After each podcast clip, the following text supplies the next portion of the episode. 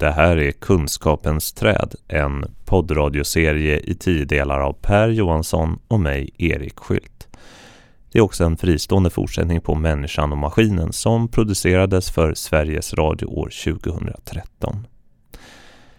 I det förra avsnittet pratade vi om jobb och om hur den alltmer utbredda användningen av datorer och maskiner kommer tvinga fram en ny samhällssyn. I dagens avsnitt går vi djupare in i den problematiken. Dagens program har rubriken Darwin. I februari 1978 så arrangerade American Association for the Advancement of Science ett symposium i Washington DC som skulle handla om ett nytt forskningsfält som då kallades för sociobiologi.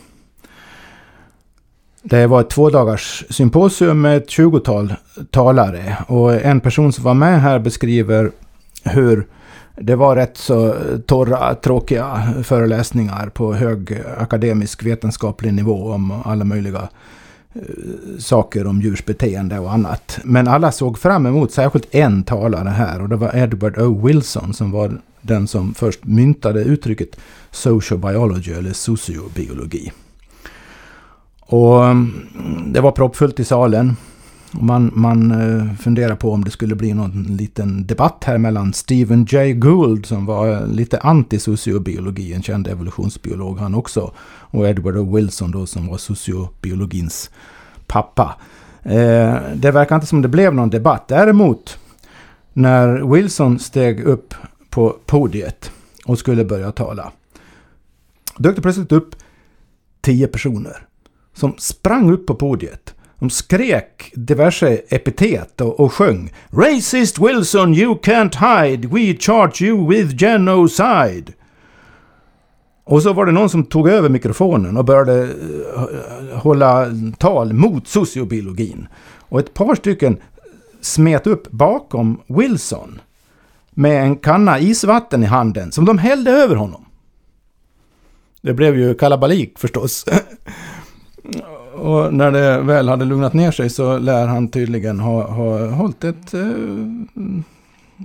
tal i alla fall. Och, och arrangörerna fick be om ursäkt och så vidare. Och Wilson fick en stående ovation från publiken och så vidare. Men det man kan fundera över är ju vadan denna i akademiska sammanhang får man väl säga mal, malplacerade vrede. Jag som inte vet så mycket här, vad är en sociobiologi? Ja, det kan jag visa dig här. Det som först kallades sociobiologi började med den här boken. Jaha. Berätta hur den ser ut. Det är en stor, tung, tjock, 700 sidor bok. Väger flera kilo. Tvåspaltig text. Massor av bilder. Och den handlar nästan uteslutande om eh, alla sorters eh, sociala förhållanden i djurriket. Från eh, i princip encelliga organismer till fåglar och däggdjur och myror och eh, allt du kan tänka dig. Enormt eh, övers överskådligt och, och ut, utförligt om alltihopa. Och den har också någon lite teoretiska kapitel här om, om hur det här med naturligt urval fungerar och så vidare. Den kom 1975 den här. Jag köpte den faktiskt när den var ny, för det var ju mitt stora intresse på den där tiden. Den 6 12 1976 har jag antecknat att jag köpte den här boken. Då hade den ganska nyligen kommit. Den kom 75 först. Så, ja, lite senare. Men eh, det här är originalupplagan. Och och det är då han, han, han som fick vatten? Det är Edward O. Wilson som har skrivit den här boken. Ja. Den heter Social Biology, The New Synthesis. Och den är, den är skriven på 70-talet. Ja, den ja. kom 1975 som sagt. Eh, och vad han gjorde där var att han skapade en evolutionsbiologisk syntes som förklarade uppkomsten av olika typer av sociala system i naturen. Aha. Eh, Wilson själv är egentligen myrforskare. Han är världens, en av världens absolut ledande auktoriteter när det gäller myror här mm. i världen. Som naturligtvis är sociala insekter då. Ja. Mm. Men den här boken då, han har skrivit en lika tjock bok eh, som heter The Ants. eh, som handlar bara om världens myror och hur de ser ut och beter sig. Ja, men den boken som du köpte då, den och som ligger framför oss, den, den handlar om alla sorters djur. Ja, Handlar den Det- även om människor? det är en generell teori då om, om, om just sociala system fr- utifrån evolutionsbiologisk teori. Ja, Så som den såg ut på 70-talet. ja, Eh, och eh, sista kapitlet i den här boken då handlar om människan. Och eh, det var det som väckte sånt rabalder. ja, jag gissade nästan det. Ja. liksom det, så, det brukar inte vara så många som, eh, som blir upprörda när man har olika teorier om myror. Nej, just. Wilson nu då, han definierade sociobiologi som en ny vetenskaplig disciplin. Och den skulle ägnas åt, eh, i översatt citat då, det systematiska studiet av den biologiska basen för allt socialt beteende. Och i det här inkluderade han då människan som en djurart bland alla andra. Och han beskrev människans sociala system och uppkomsten av dem och, och hur, hur, hur de skulle kunna tänkas förstås biologiskt. Faktiskt ganska kort och översiktligt då i sista kapitlet i den här boken. Så större delen av boken, som alltså väger 2-3 kilo och 700 sidor, ägnades åt den, som jag sa innan, åt teorier om socialt beteende och så framförallt då en översikt av allt som var känt då om socialt beteende i samtliga olika djurgrupper. Och, och som du själv sa, det där orsakar ju inga höga, höjda ögonbryn. Men sen när han tillämpade exakt samma resonemang. Alltså det, det är verkligen exakt samma resonemang som man har tillämpat på i kapitel efter kapitel efter kapitel om myror, om bin, om fåglar sol, av alla möjliga slag, om, om lejon, om elefanter och vad du vill. va? Alla sociala djur överhuvudtaget. Havsanemoner. Ja. Samma principer, exakt samma resonemang tillämpar han på människan i sista kapitlet. Och då blev det 1975 och framåt, några år efter det, en enorm reaktion på det här. Mm. Det som slår en så här nu i efterhand, tycker jag, är att fortfarande på 70-talet så hade, hade tydligen väldigt många, och framförallt väldigt många högljudda, oftast från vänsterkanten, personer, egentligen inte accepterat att människan hade genomgått en evolution eller överhuvudtaget var ett djur. Varför skulle man annars reagera på det? Men tänk om man hade uteslutit det här sista kapitlet om människan, men sagt bara att det här, det här jag har sagt om alla de här djuren, det gäller också människan, utan att eh, brodera ut det överhuvudtaget. Då hade förmodligen ing- ingen, ingen reagerat. Va? Men vad, men vad sa han då om människan? Ja, alltså sista kapitlet heter Man, From Sociobiology to Sociology. Och redan där kan man ju ana liksom att vad han är ute efter är att placera sociologin, studiet av mänskliga samhällen, på biologisk grund. Ja, just det. Okej. Det betyder att han uppfattar mänsklig kultur då som en evolutionärt grundad miljöanpassning. Det vill säga det, det speciella med människan som djurart är att hon har utvecklat kultur som ett sätt att biologiskt anpassa sig till de levnadsvillkor hon å ena sidan själv formar men å andra sidan också är utsatt för. Det vill säga kultur blir en sorts överlevnadsstrategi för människan och därmed eh, eh, blir, den ut, blir den föremål för naturligt urval. Den har uppkommit på något sätt genom naturligt urval och den har också vidareutvecklats med naturligt urval som den yttersta basen. Även om det sker en massa självständiga grejer på den kulturella nivån skulle man kunna säga.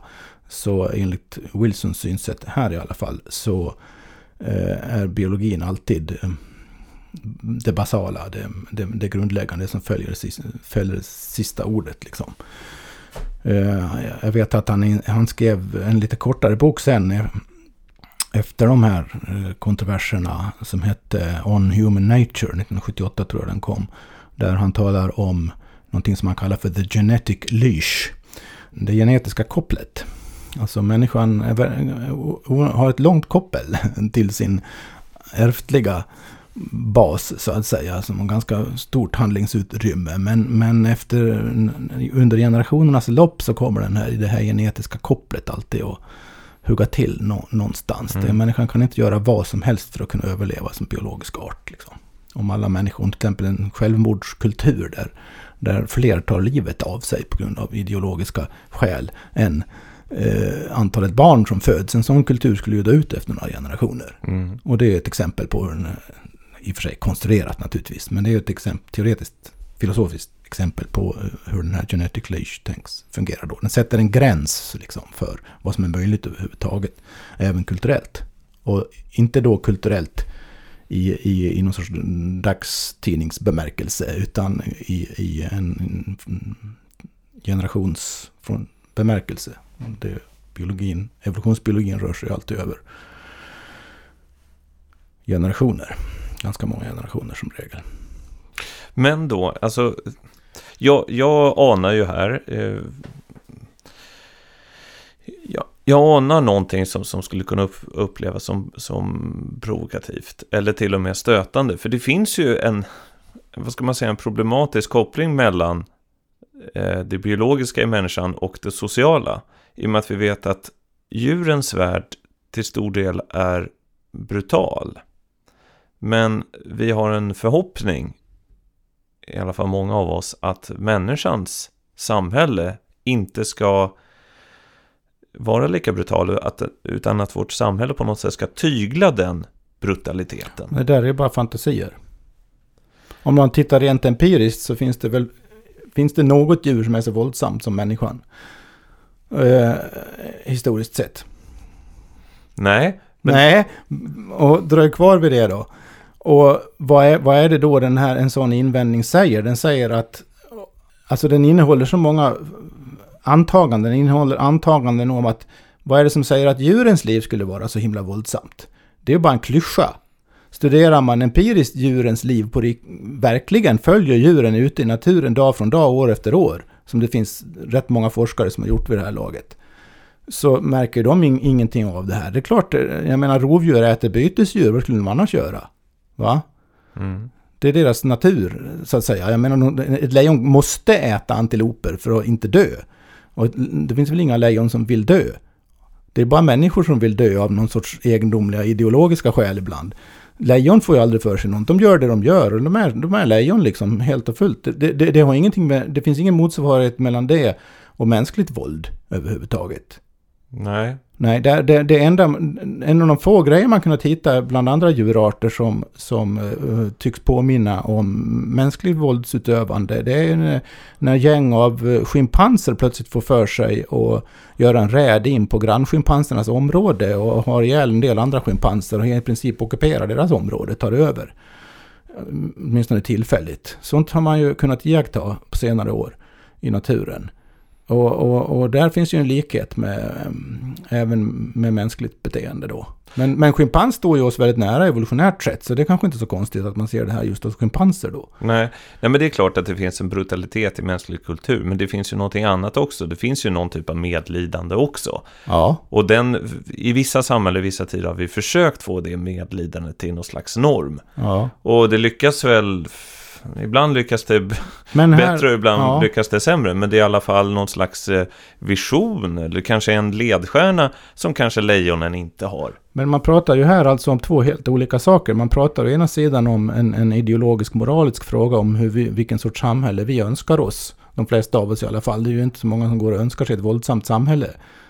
Inte Nej. ens de som för krig egentligen vill väl ha ett våldsamt samhälle. Men eh, det är en diskussion, det här med, med, med den moraliska ideologiska diskussionen och drömmen om ett fredligt samhälle, fredliga samhällen.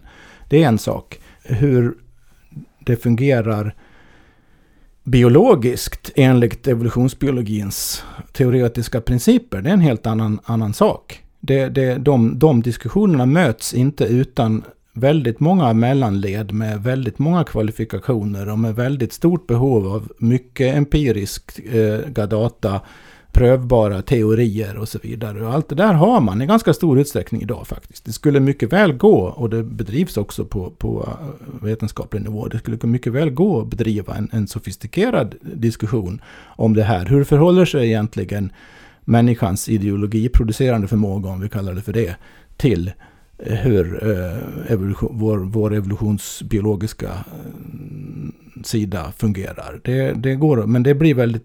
Jag, fråga, man kan ju fråga sig om vi kan reda ut det här i ett radioprogram, det tror jag inte. Men, Nej. Men, men, men vänta, jag... det går att föra en sån diskussion. Jag föreslår att faktiskt att vi, vi tar upp det i, i nästa program. Ja, vi, vi behöver två program till det här med evolution tror jag.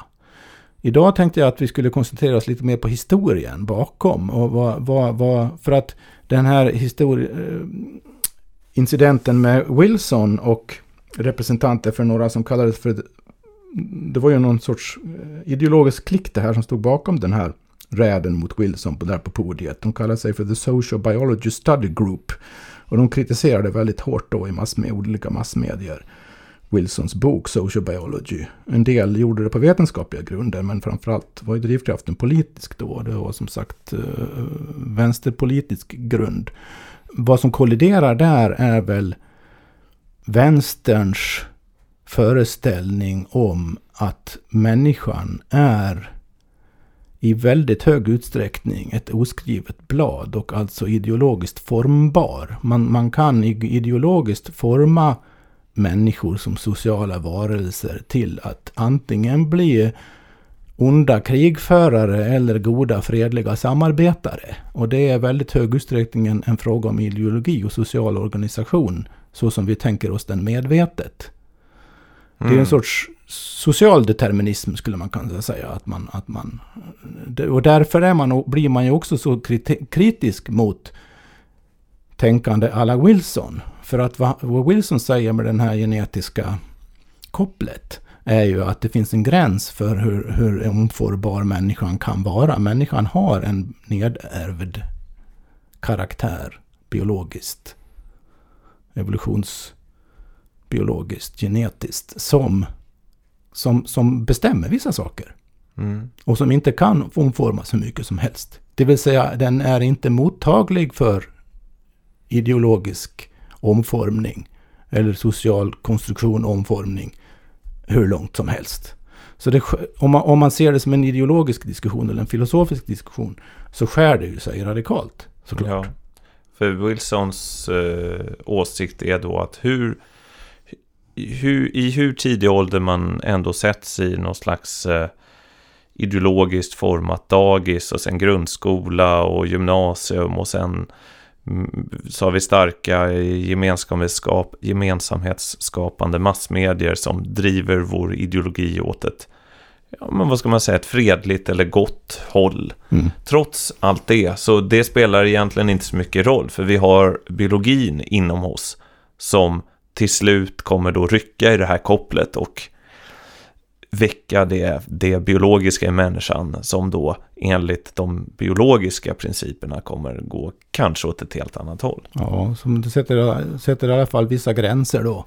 Och eh, här, här finns ju så otroligt må många fel, eh, felaktiga antaganden som man fortfarande stöter på i, när diskussionen kommer in på det här området. Till exempel, fortfarande idag så stöter man på i allmänna media uppfattningar som går som, eller diskussioner kontroverser som handlar om att den ena säger Ja, men biologin har jättestor betydelse. Det är gener för ditten och datten. Det finns till och med en, en gen för att tro på Gud. Och det finns gen för homosexualitet. Och det finns gener för eh, diabetes. Och det finns gener för vad sjutton som helst egentligen. Så det är liksom den ena sidans överdrifter då är att det är någon sorts genetisk determinism bakom väldigt mycket. Så säger den andra sidan att Ja, men eh, titta här hur man, har, hur man har lyckats påverka eh, samhällsförändringar och hur man har lyckats uppfostra barn till det ena och det andra. Miljön har ju jättestor betydelse. Sociala och kulturella miljön har jättestor betydelse. Och då, då vad man predikar då är ju någon sorts kulturell determinism då. Och, och, så har vi två determinister som står mot varann. Och så, och så, och så eh, finns det de moder, lite modererande röster som försöker, ja men det är väl lite både och liksom. Och det är ju för sig rätt va, det är bara det att det är värre än så. Eller det är mera komplicerat än så. Vetenskapligt otroligt mycket intressantare än så. För att det är nämligen mera rätt att säga så här. Att människans beteende, människans liv, människans sociala system, människans tankar, människans kultur är, om vi ser det nu från akademiskt sekulär vetenskaplig synpunkt, är 100% biologisk och 100% socialkulturell. Mm -hmm.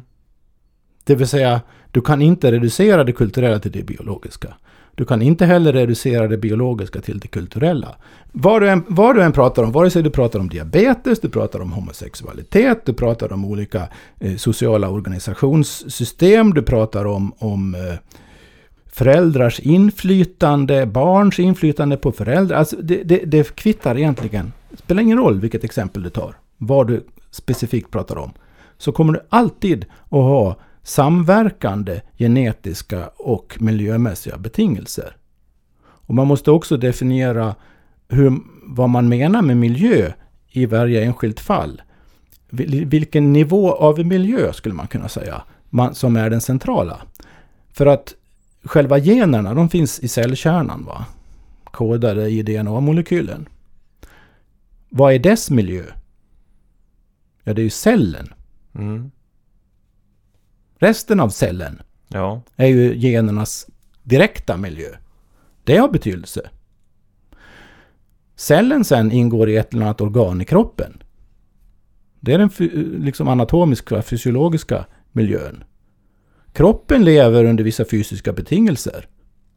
Ekologiska betingelser. Med den och den tillgängliga sortens mat, den och den, de och de fienderna, det och det klimatet. Det är en miljö. En annan del av miljön är den sociala miljön. Hur den interagerar med andra organismer av samma art. Vilka parasiter den har en del av miljön. Vilken miljö är det vi pratar om egentligen? Och det gäller likadant människan när vi pratar om miljö. Vad menar vi egentligen? Menar vi, menar vi mm, tarmbakteriernas förhållande mm. till saker och ting? Eller menar vi mm, binnikemasken eller spolmaskarna? Eller menar vi, menar vi virus och bakterier? Eller vad, vad menar vi? Menar vi våra pappor och mammor? Eller menar vi socialdemokrater eller moderater? Eller vad menar vi? Allt det där är miljö. Ja, det är Men det är ju miljö, olika det är olika miljö. sorters miljö ja. som man måste specificera och så måste man reda ut hur de här olika sorterna eller nivåerna av miljö egentligen förhåller sig till varann.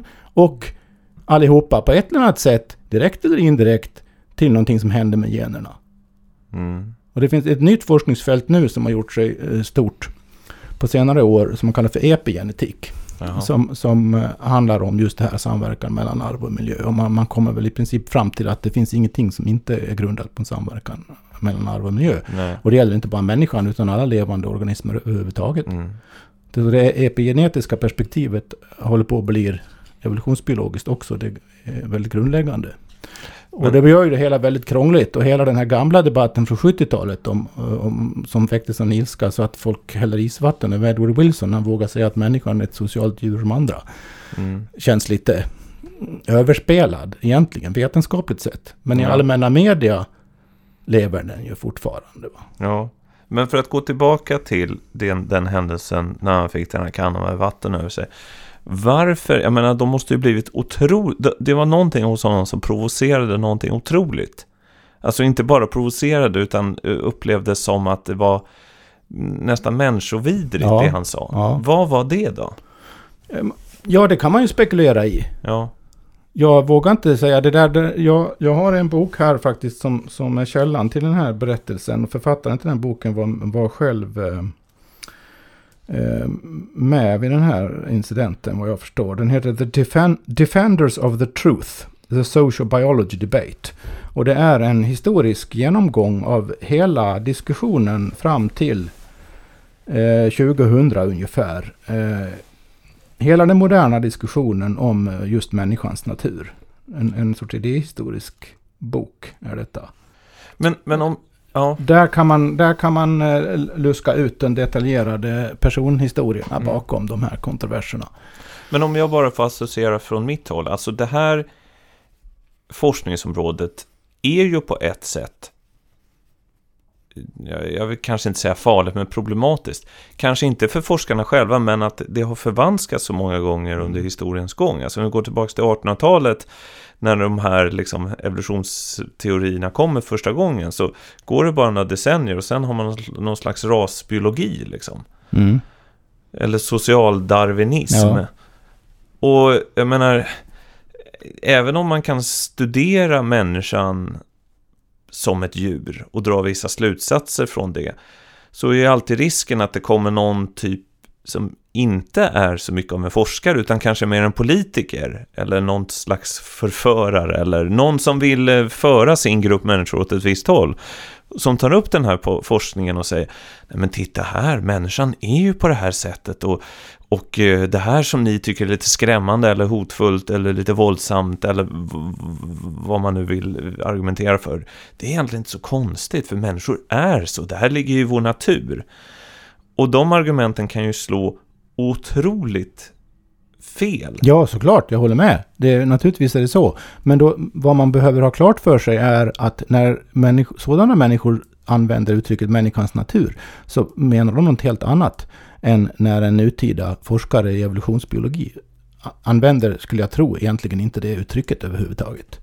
Eftersom man vet att begreppet natur är någonting per definition föränderligt. Det spelar ingen roll om du pratar om människans natur eller om du pratar om naturen.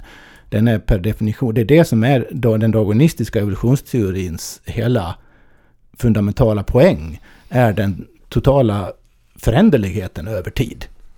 Det finns alltså, vad, vad, vad som händer här är att man blandar ihop ett gammalt filosofiskt naturbegrepp från Aristoteles och Platon med eh, ett nutida evolutionsbiologiskt och tror att man pratar om samma sak. Men det gör man över, överhuvudtaget inte. Det finns eh, egentligen väldigt lösa beröringspunkter mellan de två olika begreppen. Vad menar Aristoteles då? Han menar som själ eller liksom ande? Eller? Nej, har inte Aristoteles så, har, så, så, finns det en teleolo, så kallad teleologisk princip bakom allt som finns här i världen teleologi, det har kommit från det grekiska telos som, har, som handlar om vad som är ändamålet eller slutmålet med, med någonting. Vad som är syftet med att någonting finns så att säga. Och då, då har olika djurarter och växter och alla, alla synliga fenomen egentligen, fysiska fenomen, har någon sorts natur i den meningen. Att det, det är deras sätt att vara, meningen med att de är som de är, det är att de ska eh, vara på det sätt de är skapade att vara ungefär.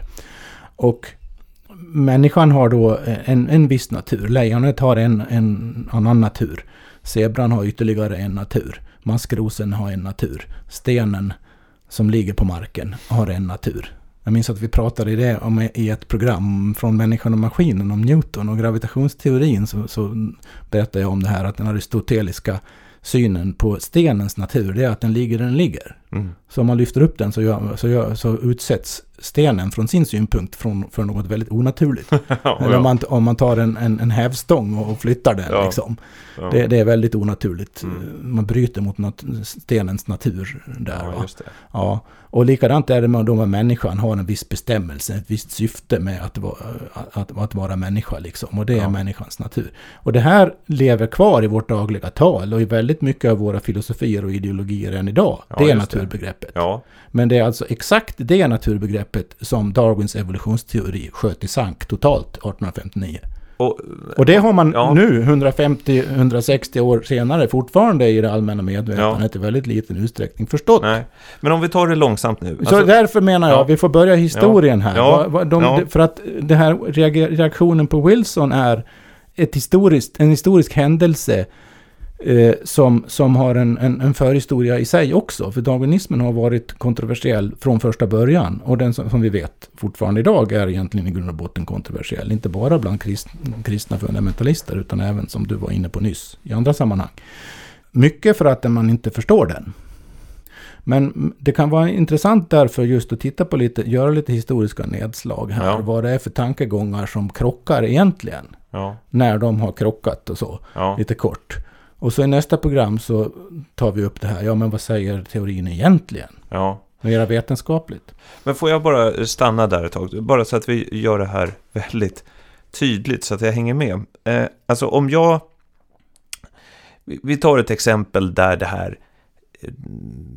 Där de här begreppen verkligen kan missbrukas. När man säger det är människans natur och sen så gör man en hänvisning till djurriket. Och en av de mest kontroversiella frågorna är ju mm, hierarki. Mm. Och då säger vissa, men, vissa säger, nej men det är människans natur att vara hierarkisk. Titta på lejonen, det är en som är alfahannen där och de, de, han, de bestämmer ju allting. Så får de andra rätta sig och, och, och ska man ska någon annan bestämma, då får han väl jaga bort den där som, som är då högst upp i pyramiden. Sån är människans natur.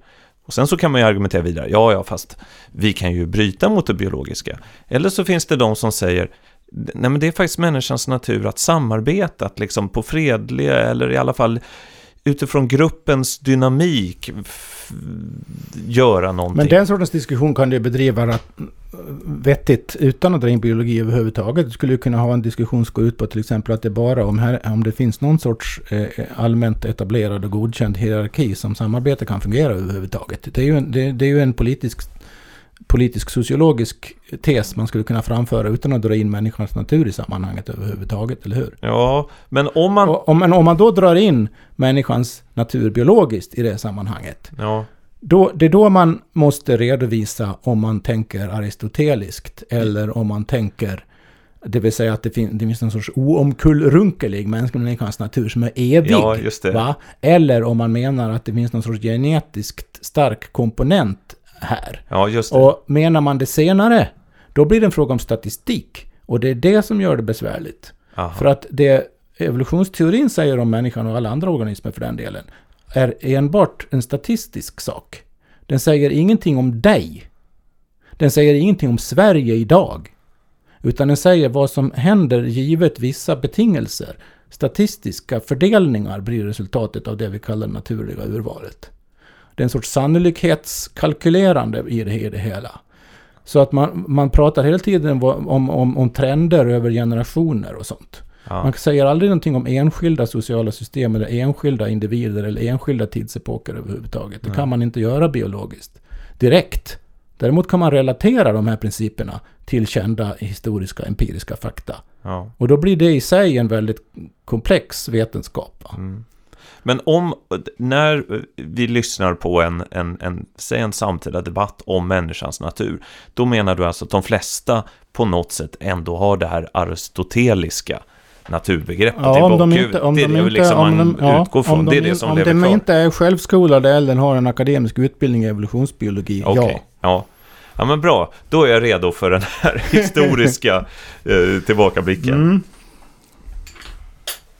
Man skulle kunna börja med att säga så här då att, att eh, vad vi pratar om här är ju människans natur i vid mening och frågan vad, vad är en människa? Och det är ju, har ju människan funderat över alltid. Det är ju den ur, urfilosofiska frågan. Ja, liksom. eh, eh, vad som är nytt sedan 1859 då, då när Darwin, Darwin publicerade sin On the Origins of, Origin of Species by Means of Natural Selection är att från och med dess så har det funnits ett möjligt rent naturvetenskapligt svar på den frågan.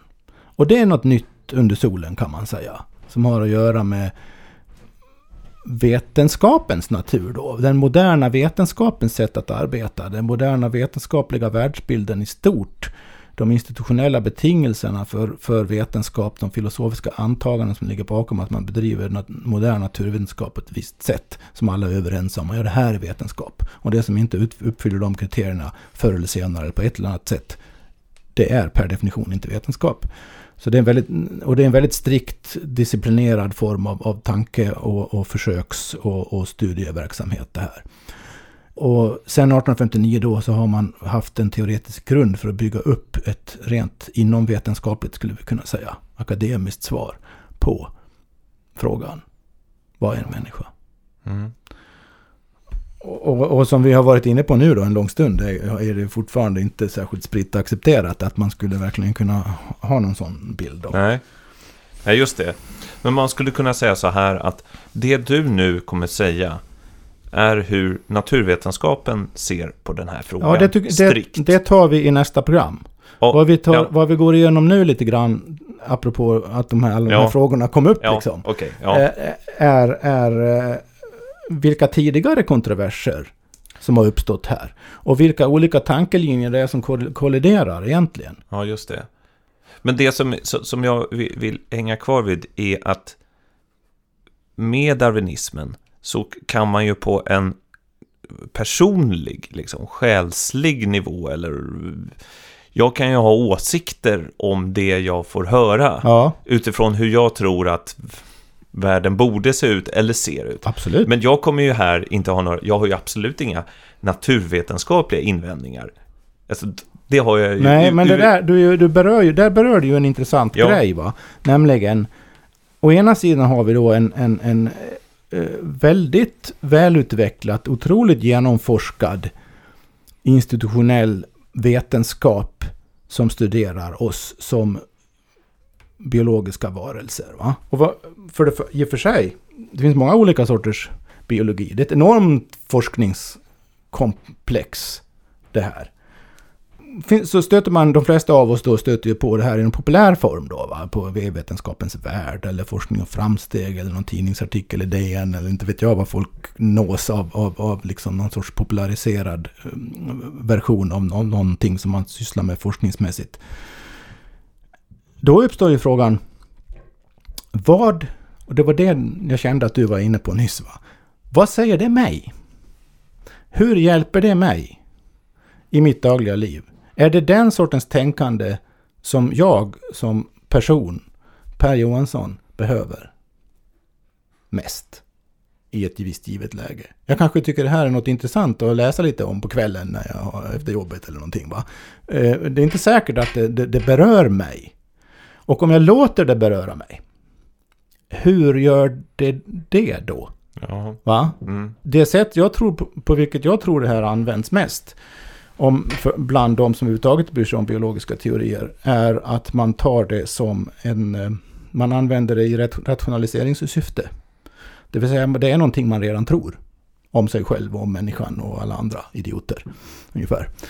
Och så har vi då en vetenskaplig teori från biologin som säger någonting som man tycker passar in i det man redan tror. Och så använder man det som, som, som en sorts rationalisering på det sättet.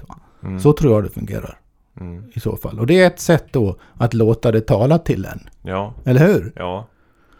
Men det finns ju två nivåer här att bedriva kritik då. Och då, då kan man säga att, och jag- tror det är väldigt få, i alla fall det som vi, jag som vanlig icke-naturvetare, jag bryr mig inte om, det kan vara intressant, men den träffar inte mig, den inomvetenskapliga kritiken.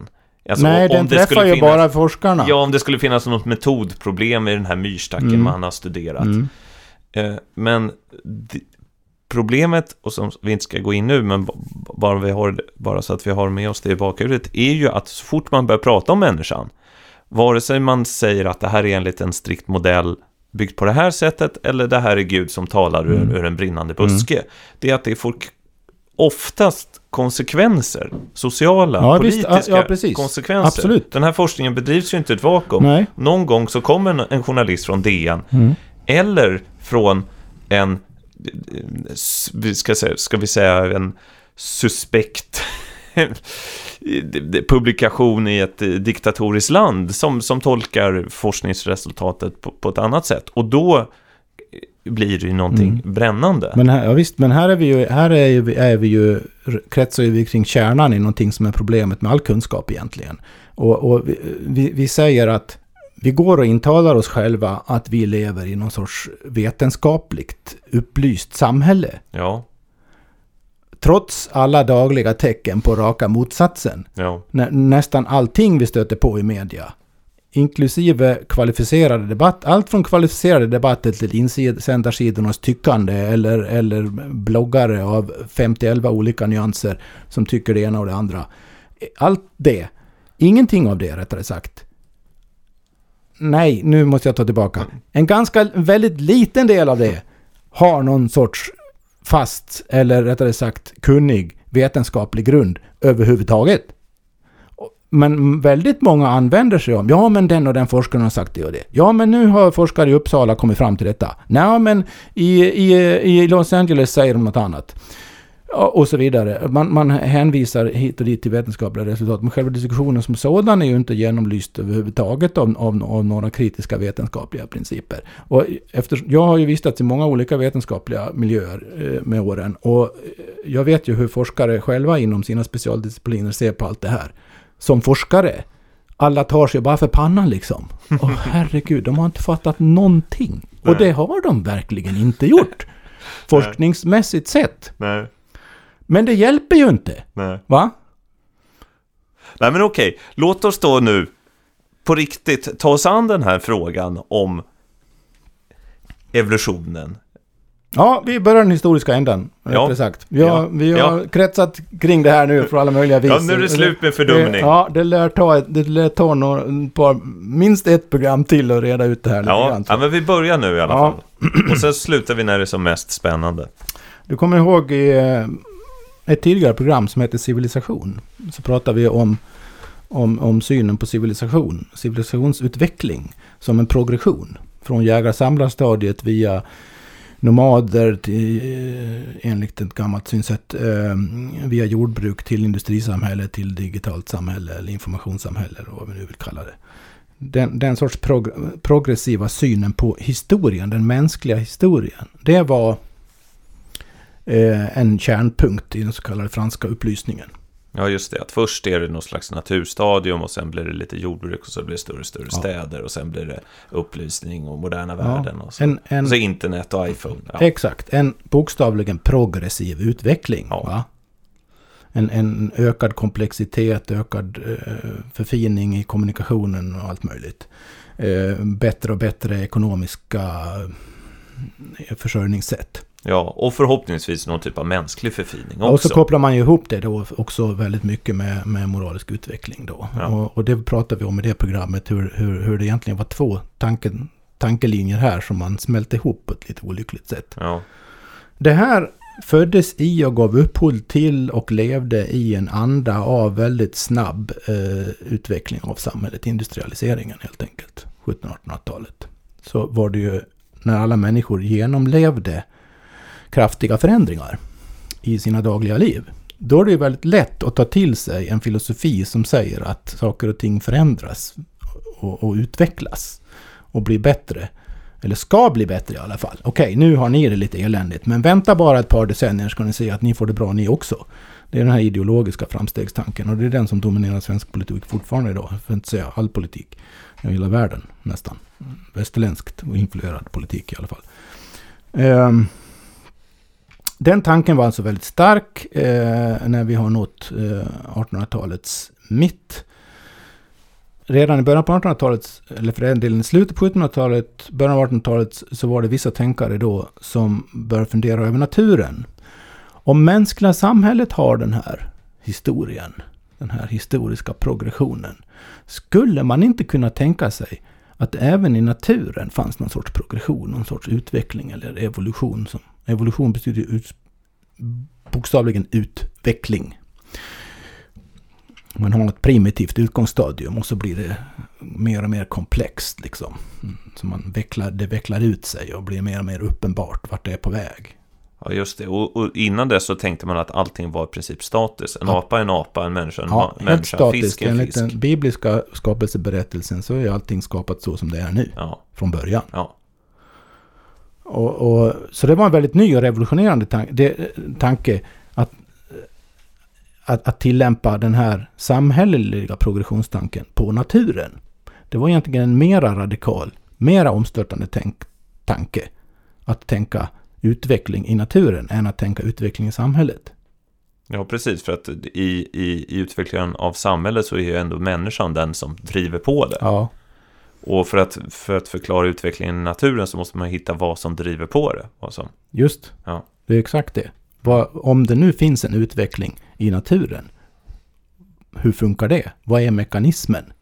I samhället kunde man säga, ja det är mänsklig uppfinningsrikedom eller eh, driv, strävan efter rikedom eller någonting sånt där som Ja. vi kan känna igen. Va? mm. Men om du ska prata om bävrar och lejon, blir det lite, då måste du ha någon annan mekanism. Ja, exakt. Och, och, uh, speciellt som, som vi också har konstaterat i tidigare program att om man tittar på ett djur sådär bara uh, sitter och, och, och kollar en kikare på, på lejonet som, som leker och äter på savannen så verkar det ju rätt statiskt. Mm. Verkar ju jättestatiskt.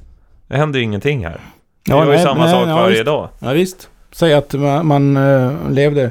Säg att man lever i 200 år och så... Eller, säg att ja, man lever ett normalt långt mänskligt liv. Och sen när man är 15 år så åker man eh, till Afrika och tittar på lejon. Och sen när man är 85 så åker man tillbaka till Afrika och tittar på lejon. Och de gör exakt samma sak. Ja, Men vad har hänt i samhället under tiden? ja massa Ja. grejer. Från ånglok till iPhone liksom. Ja, då börjar man ju fatta vilken radikal idé det här är, att det skulle vara någon slags förändlighet även bland lejonen. Ja, Det är ju väldigt svårt Mm. att studera också, Mm. i och med att de äter samma saker och, och gör ungefär samma saker. Men det intressanta här då alltså att, att tanken på, det tror jag de flesta inte riktigt eh, känner till, va? att tanken på naturlig evolution var inspirerad av tanken på samhällets evolution eller utveckling. Eh, men som sagt, man hade ju liksom ingen förklaring då när man började tänka i de termerna till hur, hur, hur det gick till i naturen. Och den, den enda rationella förklaring man hade i det utgångsläget fortfarande till hur det kunde finnas en ordning i naturen. För det var ju uppenbart att det fanns någon sorts ordning. va? Linné hade ju, eh, hade ju fastställt det i en klassifikationsordning och en systematisk ordning i naturen i sin Systema Nature-bok på, på mitten på 1700-talet. Och den enda rationella förklaring som han och hans samtida hade till den här ordningen som man kom överens om fanns där. Det var att det var det gudomliga intellektet som hade ordnat det, bestämt att så skulle det vara. Mm. Vad skulle man annars mm, dra till med? Nej, och det är det som står i Bibeln också. Ja, ja visst. Och hela idéhistorien dessförinnan sa det. Vare sig det stod i Bibeln eller man läste det hos någon icke-biblisk författare som Platon så var det egentligen samma, just när det gäller synen på naturen, samma, samma tanke. Ja. Och i andra traditioner, utomeuropeiska traditioner också för den delen. Mm. Eh, sen var det en fransman som heter Jean-Baptiste Lamarck. Som var den första som la fram en, en teori om hur förändring i naturen skulle kunna gå till. Han hade ganska eh, sofistikerade idéer egentligen. Men han, för eftervärlden har han blivit ihågkommen egentligen bara för en sak. Nämligen tesen om förvärvade egenskapers ärftlighet. Så eh, från biologins, djurvärldens sfär så brukar man eh, ta exemplet med giraffen. Hur såg giraffen en gång ut? Jo, en gång hade den ingen lång hals.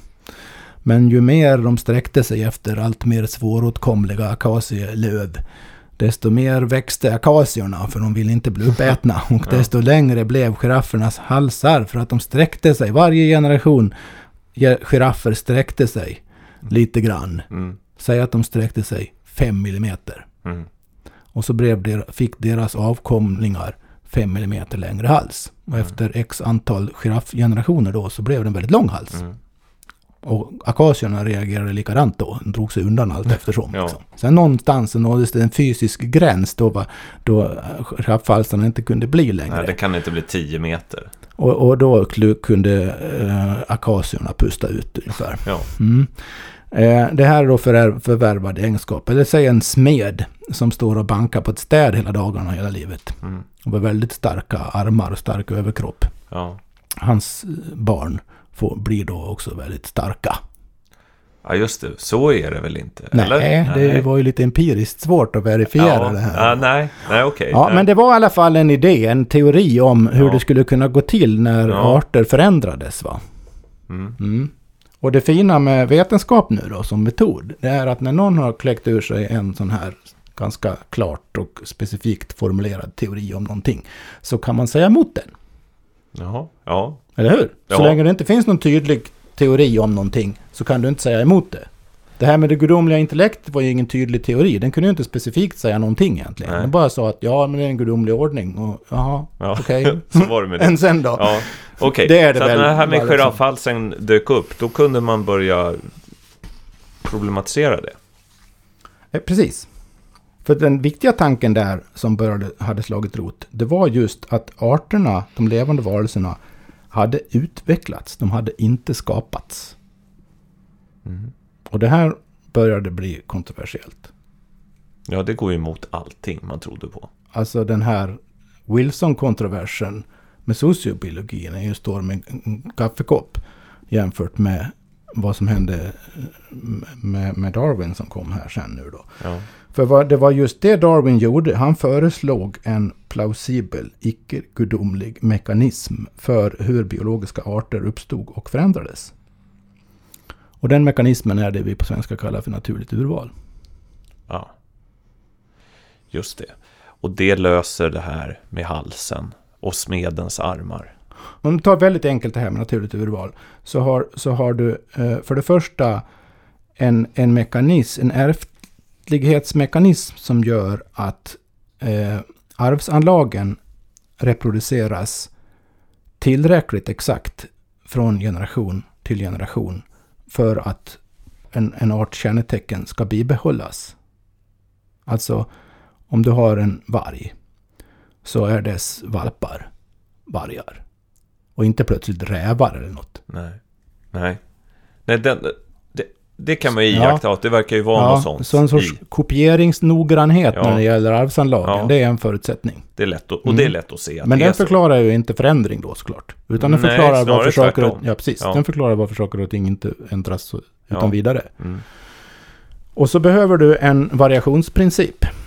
Att arvsanlagen skiljer sig. Precis. Några vargar är små, och några är lite större och några är lite snabbare. Alla möjliga inre och yttre egenskaper som har en ärftlig grund är olika från varg till varg. Ja, Mm. det kan man också se. Alltså ganska Ja. enkelt i Ja. naturen. Det är det här som är det geniala med Darwin. Att Ja. han utgår från sådana... När de här principerna, man fattar principerna på en gång. Ja. Det är konsekvenserna som är så svåra att fatta. Ja, Eh, den tredje eh, principen är att det finns inte obegränsade resurser. Det vill säga det finns, inte, varje, det finns inte hur mycket mat som helst för vargarna att äta. Det är inte hur lätt som helst för, för dem att få tag i maten. nej, Så de kan inte bli hur många som helst. nej. Precis, de, de lever under någon typ av yttre tryck. Ja, och det brukar man kalla för selektionstryck. Ja. Mm. Vad leder det till? Jo, det leder till konkurrens om begränsade resurser. Mm. Den varg som av olika genetiska skäl har lättare att fånga byte till sina valpar har större chans att föra vidare sina arvsanlag till nästa generation än den som fångar lite färre renar eller vad det nu är för någonting de äter. Mm. Så vad händer då från generation till generation? Jo, du får en tendens för vissa arvsanlag att ackumuleras i en population. Ja, Beroende på de ekologiska omständigheterna. och det, men det måste väl också bero på att inom att varghonan och varghanen har någon slags eh, mm, intresse av det här också. Nej, det behöver, det här är, det behöver de inte ha. Nej, Nej. nej, det, nej, Det, det, för det här är helt mekaniskt. det handlar Det här är en bokstavlig mekanism. Det här har ingenting med, Ah, med, med, det, med vad, vad de vill eller tycker eller det, någonting det att handlar. Men det handlar inte om någonting med För att fortplantning? när sker eller- sållningen? Ja, Av de, det. när sker ja. sållningen av de egenskaper som, som eh, visar sig vara lite mer fördelaktiga? Just det, det är bland de levande individerna. Ja, det sker i generationsvis va? Ja, precis. Att det spelar ingen roll om en, om en svag hona väljer en svag hane. Just då nej. Nej, Däremot så är, är, är sannolikheten större för att de får färre valpar med, med, som för vidare deras arvsanlag än om du har en stark han och en stark hona. just det. Och sannolikheten är också större att den svaga honan och svaga hanen faktiskt redan är döda innan I- de... Innan de får valpar ens, Just det. kanske. I Just så fall försvinner de ju kvickt. Ja. Ja. Men- jo, men det, mm. det, här är viktigt, för det, det reder ut någonting, en missuppfattning jag har haft, att det handlar om sexuell attraktion. Men det gör det då inte, utan det handlar i, bara om överlevnad. Det handlar om konsekvenserna av överlevnad. Ja, Det är alltså naturliga urvals, urvalet som princip fungerar så, som en ren mekanisk sållning kan man säga. ja, Där vilka som råkar passera sållningen i varje generation, det är de egenskaperna som förs vidare. Det är de som formar hur den arten kommer att, bete sig och se ut. ja, Allt eftersom. ja, Ja, och hur kan då arter förändras? Jo, det, det, det, det är där det börjar bli krångligt. Men om man, för att göra det väldigt enkelt så förändras de i, i, på grund av att omgivningen förändras. För när omgivningen förändras så blir det plötsligt andra arvsanlag, eller gener som vi säger nu för tiden, som blir fördelaktiga. Säg att det sker en klimatförändring. Och så har du en population, ja vi kör med vargar. Mm. Du mm. har en population vargar som har levt under väldigt strängt kallt klimat. En stor del av året är väldigt kallt. Som behöver ha en förmåga att få en tjock päls. Och en massa egen, andra egenskaper också för att kunna överleva hela vintern. Och så blir det plötsligt väldigt milt. Sådana klimatförändringar sker ju. Och ja. plötsligt ska man komma ihåg då. Det kan vara säg 50 eller 100 varggenerationer. Va? Ja. Det är plötsligt. Mm. Mm. Och så kanske det är vissa vargar då eller säga så här, det här är ju rent, en rent spekulativt exempel. Men principen gäller. Säg att det finns en gen för tjock päls. Nu i verkligheten är det förmodligen en uppsjö som samverkande gener som, som, som det är frågan om här. Men säg att det finns en gen för tjock päls. Och så blir det varmt. Då är det en nackdel. Det som tidigare var en fördel blir en nackdel. Medan de som har en gen för att inte få så tjock päls, de får fler ungar. Ja, just det.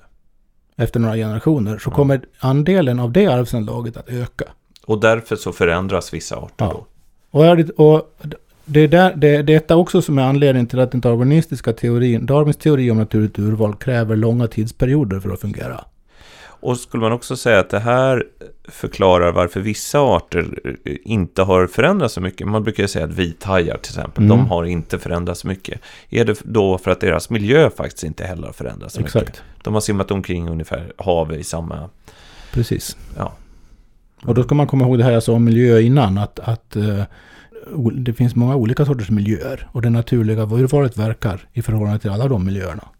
Men om vi är kvar i, i historisk tid nu, på Darwins yep. tid. Eh, ja, vi var tvungna att dra lite grann om naturligt urval här för ja. att förstå att vad, vad, Darwins idé var, var att han postulerade en teoretisk mekanism i ordets bokstavliga betydelse, en sorts maskinell princip ja. för hur förändring i naturen går till. Mm. Ja. Vad är det man inte behöver ha då? Ja, man behöver absolut inte ha någon gud. Nej, något gudomligt intellekt klarar man sig utan. Nej, ja precis. Naturen är en maskin. Ja. Det trodde redan Linné, men han trodde ju att han, han hade en väldigt maskinell syn på naturen, Linné. Ja. Eh, men han menar att Gud hade konstruerat maskinen. Nu kom, nu kom Darwin med en, en, en uh, idé som gjorde att man behövde inte ens någon konstruktör. Nej. Maskinen fungerar av sig självt. Mm.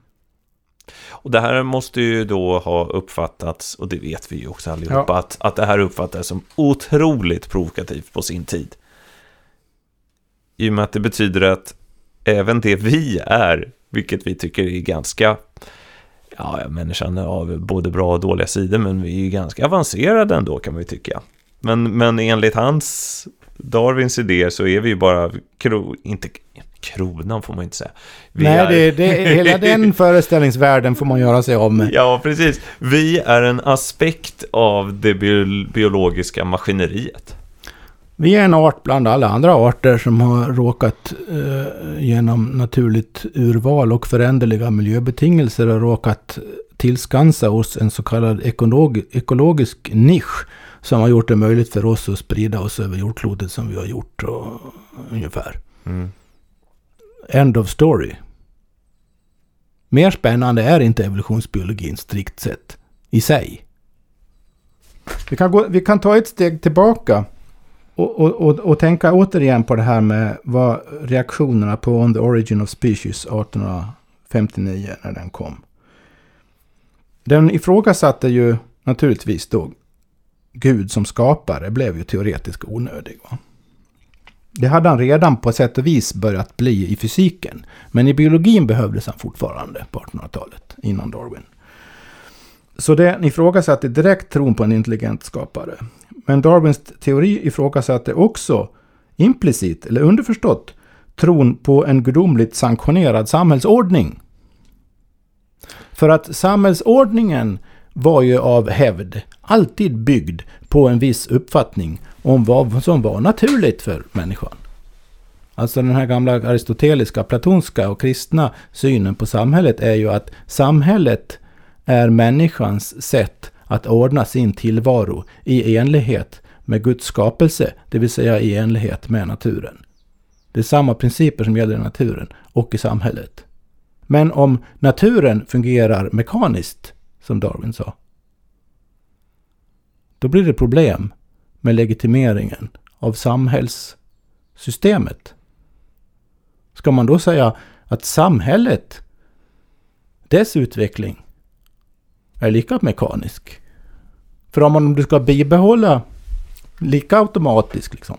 Du, om du ska bibehålla tanken på att det finns eller bör finnas någon sorts koppling mellan naturens ordning och samhällets ordning, vilket är en enormt djupt rotad föreställning i alla mänskliga kulturer. Om du ska bibehålla den tankefiguren och tro på Darwin, Mm. vad får du då för samhälle? Då får vi ett samhälle som enbart drivs av någon slags maskinella principer. Ja, vad har vi för samhälle nu då? Ja, vänta nu här. Ja. Menar du att det skulle finnas en slags koppling till, till det ekonomiska samhället? Hur fungerar ekonomin i det moderna samhället? Mm. Ja, ja, just det. Det fungerar som en maskin. Ja, Just det. det funderar, vad är fundamentet? Det är att det produceras en massa grejer. Ja, Ja, och vilka grejer överlever? Det vill säga vilka grejer köps? det, det är de som anpassar sig. Skulle man kunna säga. Efter någon slags marknad. Ja, och vad är en marknad? Ja, vad är en marknad? Det är ju människors förväntningar. Det är ju människors... Men tänk nu jättekonkret. Ja, vad, vad är det? En marknad är en mekanism. Ja, En urvalsmekanism, en sorteringsmekanism. Mm, Vad, är, var, så vad är naturliga urvalet? Ja, det är också en sorteringsmekanism, en urvalsmekanism. ja, just det. Det är en total parallellitet. Mm. En modern kapitalistisk marknadsekonomi fungerar i princip på samma sätt som det naturliga urvalet, fast i samhället.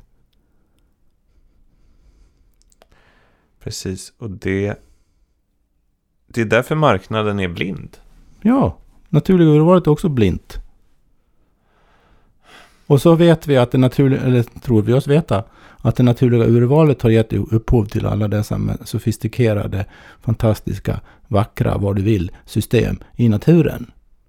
Mm. Och vad säger den li- liberala marknadsekonomi troende om samhället? Jo, att om man släpper marknaden fri så kommer det automatiskt att leda till att det bästa, det vackraste, det mest rationella Mm. med tiden Mm. kommer att kom- dominera. Ja. Men om man är klåfingrig och försöker styra och ställa i ekonomin, då blir det mest en massa elände. Planekonomi, usch. Och det motsvaras av om man styr och ställer i naturen för mycket, om man inte låter naturen och naturliga urvalet sköta sig självt, ja då kan man förstöra ekosystem. Men Ja. lämnar man dem i fred.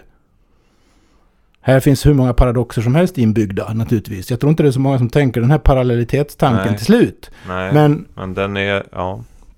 Tänk på vad vi sa i programmet om Einstein och parallelliteten mellan vad han jobbade med, praktiska synkroniseringsproblem, och det vill säga vad för sorts ekonomi han levde i, och vad hans teori handlade om. Fundamental synkronisering i tillvarons natur. ja, just det. Och så tar du, tar du och tänker här nu. När kom Darwins evolutionsteori om den mekanismen, med mekanismen naturligt urval Mm. fram? Jo, den kom under det mest aggressiva kapitalistiska skedet på 1800-talet. Mm. och industrialiseringen mm. och den nya marknadsekonomin spred mm. sig som fundament. Det är samma parallelitet, parallellitet mellan vetenskap och samhällsförhållanden.